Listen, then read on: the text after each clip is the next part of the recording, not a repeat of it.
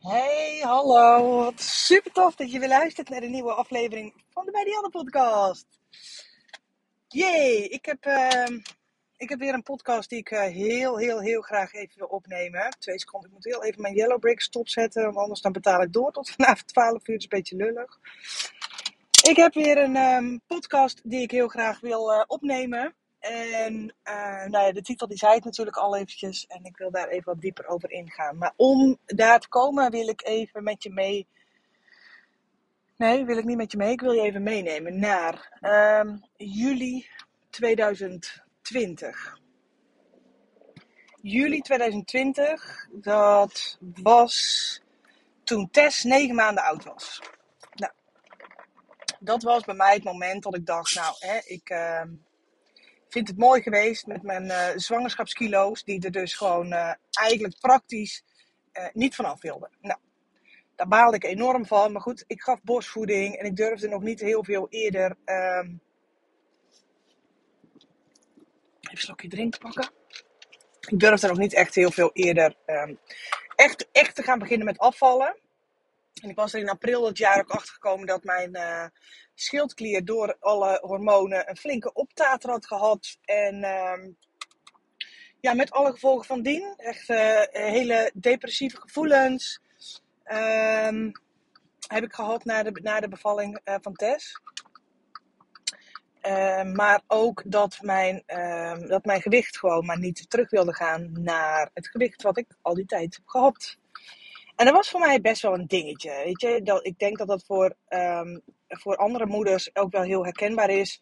Dat je uh, wel eens vrouwen ziet die echt na drie weken weer in hun eigen kleding pasten. Van voor de zwangerschap, et cetera, et cetera. Nou, in principe was ik uh, mijn gewicht na de zwangerschap van mijn oudste twee ook altijd wel heel snel weer kwijt. Maar dit keer gebeurde dat dus niet. En nou ja, hè, nou ja, tot een maand of negen na de bevalling kun je er, in mijn ogen, hè, ik bedoel, ik ben degene die die regels voor mezelf oplegt en niemand anders hoor, maar um, kun je er volgens mij nog wel mee wegkomen van gewoon nou, zwangerschapskilo's. Uh, hè? Maar ja, na negen maanden na de zwangerschap denk ik, ja, daar kun je na negen maanden niet meer mee aankomen. Daar, uh, dan denk ik, ja, volgens mij moet je dan echt eventjes uh, iets gaan doen. En dat was voor mij ook wel het punt dat ik dacht, um, ik wil iets gaan doen om, om, om, om van die kilo's af te komen. En toen begon bij mij het afvalproces. En misschien ook heel erg herkenbaar. Ik heb toen besloten keto-dieet te gaan doen. Ik was al bekend met koolhydraatarm dieet. Ik heb me daar heel erg in gelezen. En ik weet ook dat keto, um, is mijn waarheid hoor, mijn mening, mijn visie. Ik vind dat keto een van de gezondste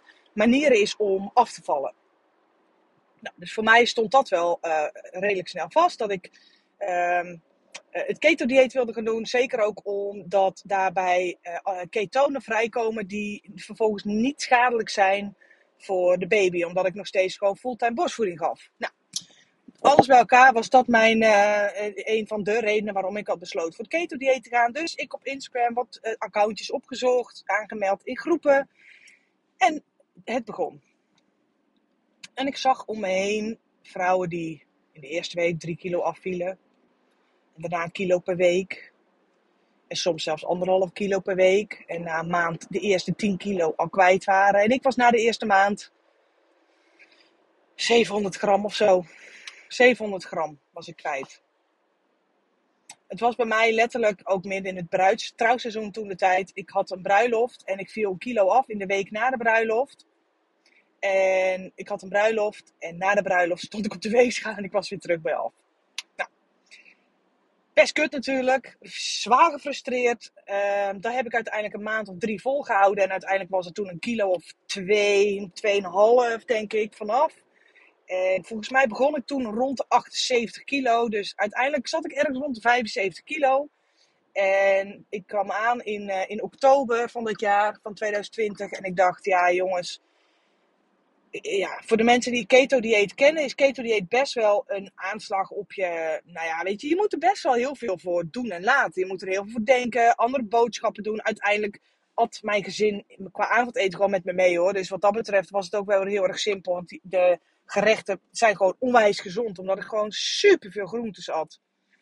Maar goed, die kilo's, die gingen gewoon niet echt heel erg hard. En ik zag bij anderen dat het gewoon harder ging. En die gewoon echt na drie maanden gewoon al 10, 12 kilo afgevallen waren. En het lukte bij mij niet. En ik, ik besprak dat ook met een uh, andere dame.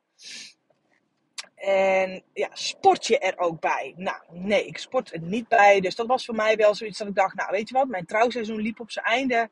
Ik dacht, weet je wat, ik ga een abonnement nemen met de sportschool. En ik ga gewoon drie keer in de week lekker uh, aan sporten.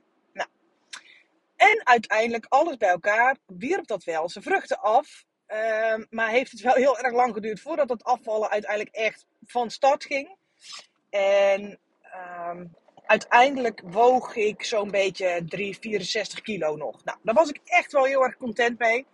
Uh, sterker nog, ik kreeg op een gegeven moment zelfs commentaar van mensen van... Goh, die, dat commentaar krijg je al heel snel hoor, daar niet van. Maar goh, je begint nu wel heel erg mager te worden. Dan ik dacht, oké, nou ja, prima. Dit is mijn uh, streefgewicht. Ik wilde heel graag 62 kilo wegen. Ik ben vrij kort. 62 kilo is voor mij, uh, is voor mij gewoon prima. Weet je, dan, daar, daar ben ik helemaal content mee. En dat is helemaal oké. Nou, ik weet nog dat ik die 62 kilo heb aangetikt.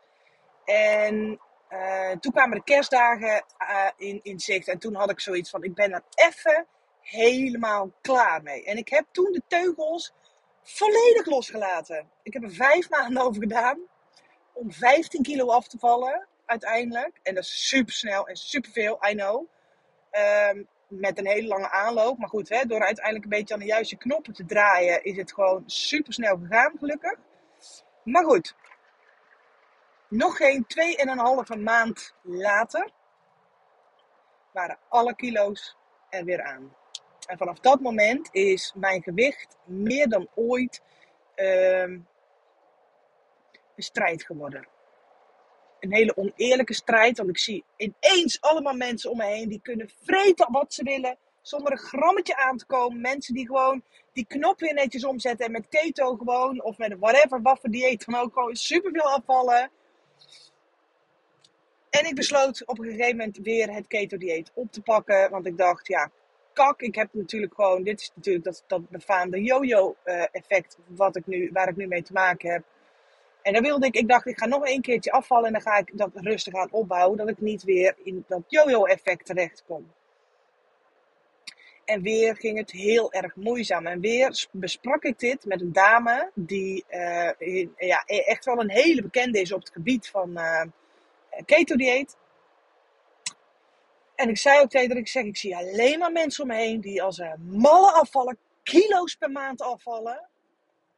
En toen zei ze tegen mij, en dat is een opmerking die is me zo bijgebleven, die zal ik ook nooit meer vergeten. En toen zei ze tegen mij: Het gaat er niet om hoe hard je afvalt, maar ze zegt: Het gaat erom dat je afvalt. En dat was voor mij zo'n opmerking dat ik dacht: Holy shit, je hebt zo gelijk en je weet donders goed tegen wie je dit hebt, want ik ben Um, daar is verder niks negatiefs aan, op, in principe. Maar ik ben een alles of niets persoon. Als ik de knop omzet om iets nieuws te gaan doen, dan, uh, dan wil ik daarin ook meteen uh, nou, uitblinken of whatever. Weet je, op het moment dat ik besluit voor het afvallen te gaan, dan wil ik gewoon uh, voor het maximale resultaat gaan. Als ik kies voor groei in mijn bedrijf, wil ik gaan voor het maximale resultaat. Op het moment dat ik eigen wil gaan verdiepen in bijvoorbeeld waar ik nu mee bezig ben, human design dan ga ik voor maximaal. Ik ben alleen nog maar podcast aan het luisteren over human design. Ik ben boek aan het lezen over human design.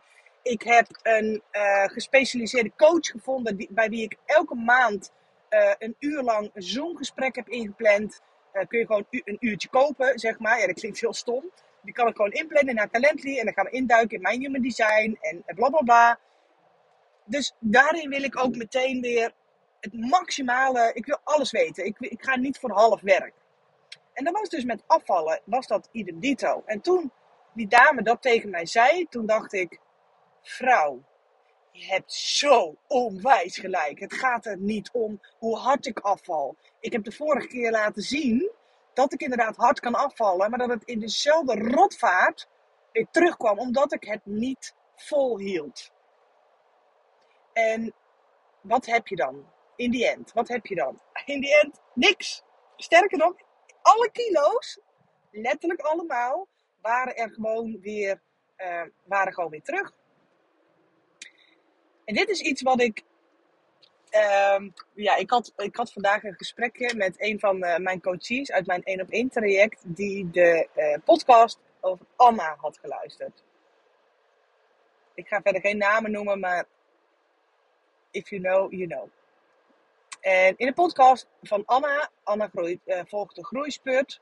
En Anna heeft in die groeispurt in de eerste, in de eerste maand echt waanzinnige resultaten gehaald. Eerlijk, daar mag ik gewoon ik ben daar ook gewoon echt wel fucking trots op. Ben ik gewoon heel eerlijk. Anna heeft dat gewoon heel erg goed gedaan. Wat niet wil zeggen dat ik niet trots ben op al mijn coaches. Hè? Laat ik dat even voorop stellen. Maar ik kan niet al mijn coaches een naam en een gezicht geven, omdat ik ergens ook gewoon een privacy te waarborgen heb. Dus dit is echt eventjes een samenwerking met mij en Anna geweest, waar, waarbij we dachten, weet je wat, we gaan een podcast opnemen. Ik wil ook gewoon laten zien hoe het ook kan. Nou, daar kreeg ik een privéberichtje over met de opmerking van, goh, ik word hier, ik word hier een beetje onzeker van. En ik heb het gevoel dat ik dan niet hard genoeg ga en dat ik niet snel genoeg ga, dat ik dingen fout doe, omdat het bij mij dan niet zo sky high gaat. En um, nou ja, dat. En mijn eerste gedachten die waren natuurlijk, die gingen terug naar die opmerking die ik kreeg van die vrouw die mij begeleidde op keto-gebied. Het gaat er niet om hoeveel je afvalt, hoe hard je afvalt. Het gaat erom dat je afvalt. En ik zie dat dus in het bouwen van je business exact hetzelfde. De een valt in het begin meteen 4 kilo af en de ander begint met onsjes en pontjes. Maar als ik naar mezelf kijk, ik begon ook met onsjes en pontjes en daarna ging het als een malle. Terwijl ik andere dames in het keto-traject had gezien, die begonnen met kilo's per maand, maar die kwamen daarna op maandenlang op een plateau te staan. En in die end staan we allemaal op hetzelfde punt. Alleen iedereen neemt daarin zijn eigen tempo aan. En dat is iets, ik dacht, ik wil daar heel graag een podcast over opnemen, omdat ik weet, ehm, omdat ik weet dat we hier met z'n allen tegenaan lopen. Dat het gras voor ons gevoel bij de buren altijd groener is. Maar dat je dat bouwen van je bedrijf echt mag gaan vergelijken met een afvalproces. In het begin gaat het heel erg hard. In het begin kan het heel erg hard gaan. Jouw bedrijf is niet dat van een ander. Jouw lijf is niet dat van een ander. En ik had dan helaas ook nog eens de pech dat ik moest vechten tegen een hele luie schildklier. Waardoor het bij mij in het begin gewoon echt gewoon, nou ja, mondjesmaat ging. Maar door alleen maar te focussen en energie te gaan geven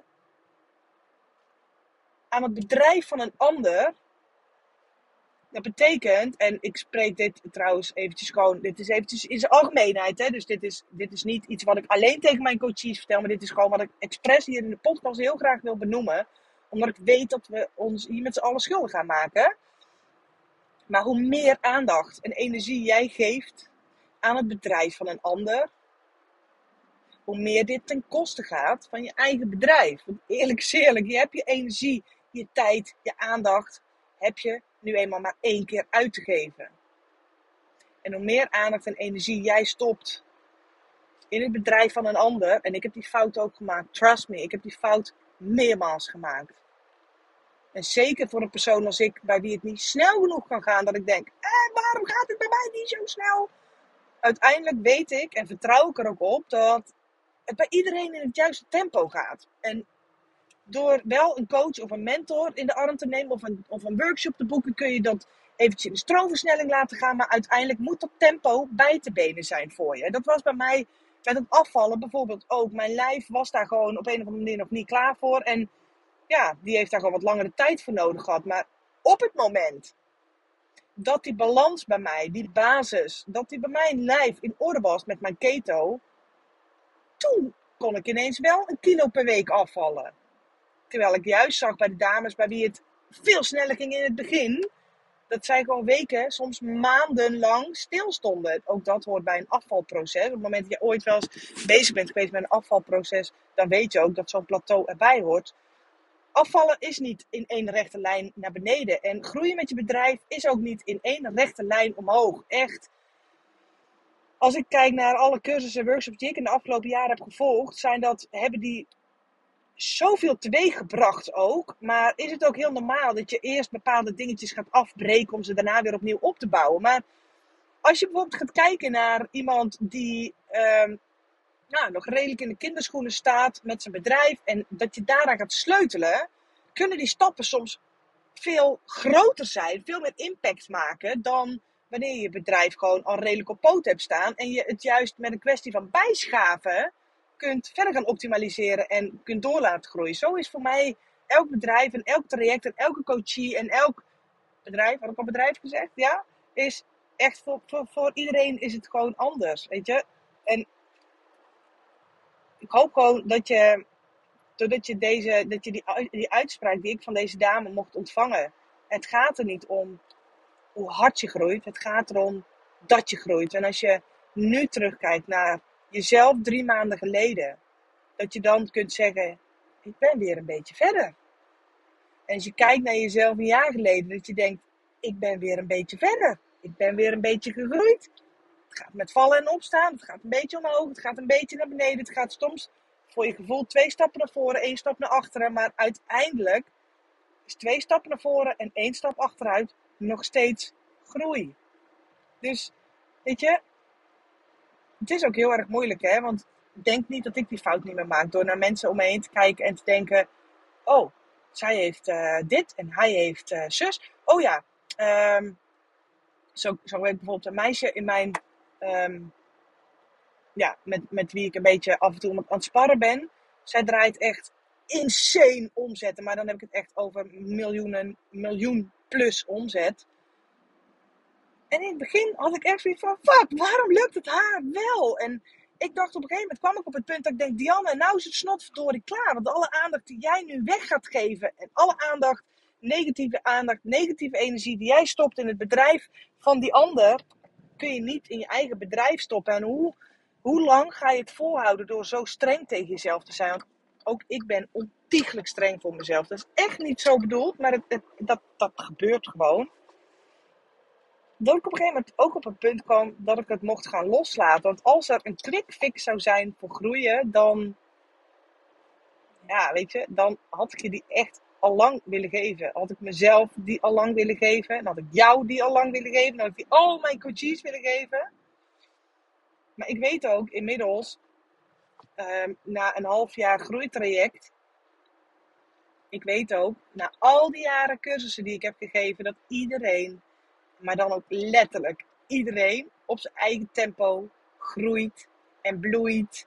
En iedereen heeft ook andere doelen en iedereen wil naar een ander punt toe. En dat is ook oké. Als ik kijk naar de fotografen die tien jaar geleden tegelijkertijd met mij zijn begonnen. Nou, meer dan de helft fotografeert inmiddels al niet meer. Maar de ene helft, of de ene persoon, die is verder dan mij. En de andere persoon is niet verder dan mij. En dat is ook helemaal oké. Weet je, uiteindelijk heb ik daarin ook gewoon moeten leren om mijn eigen tempo te omarmen. En, en te kijken, ja,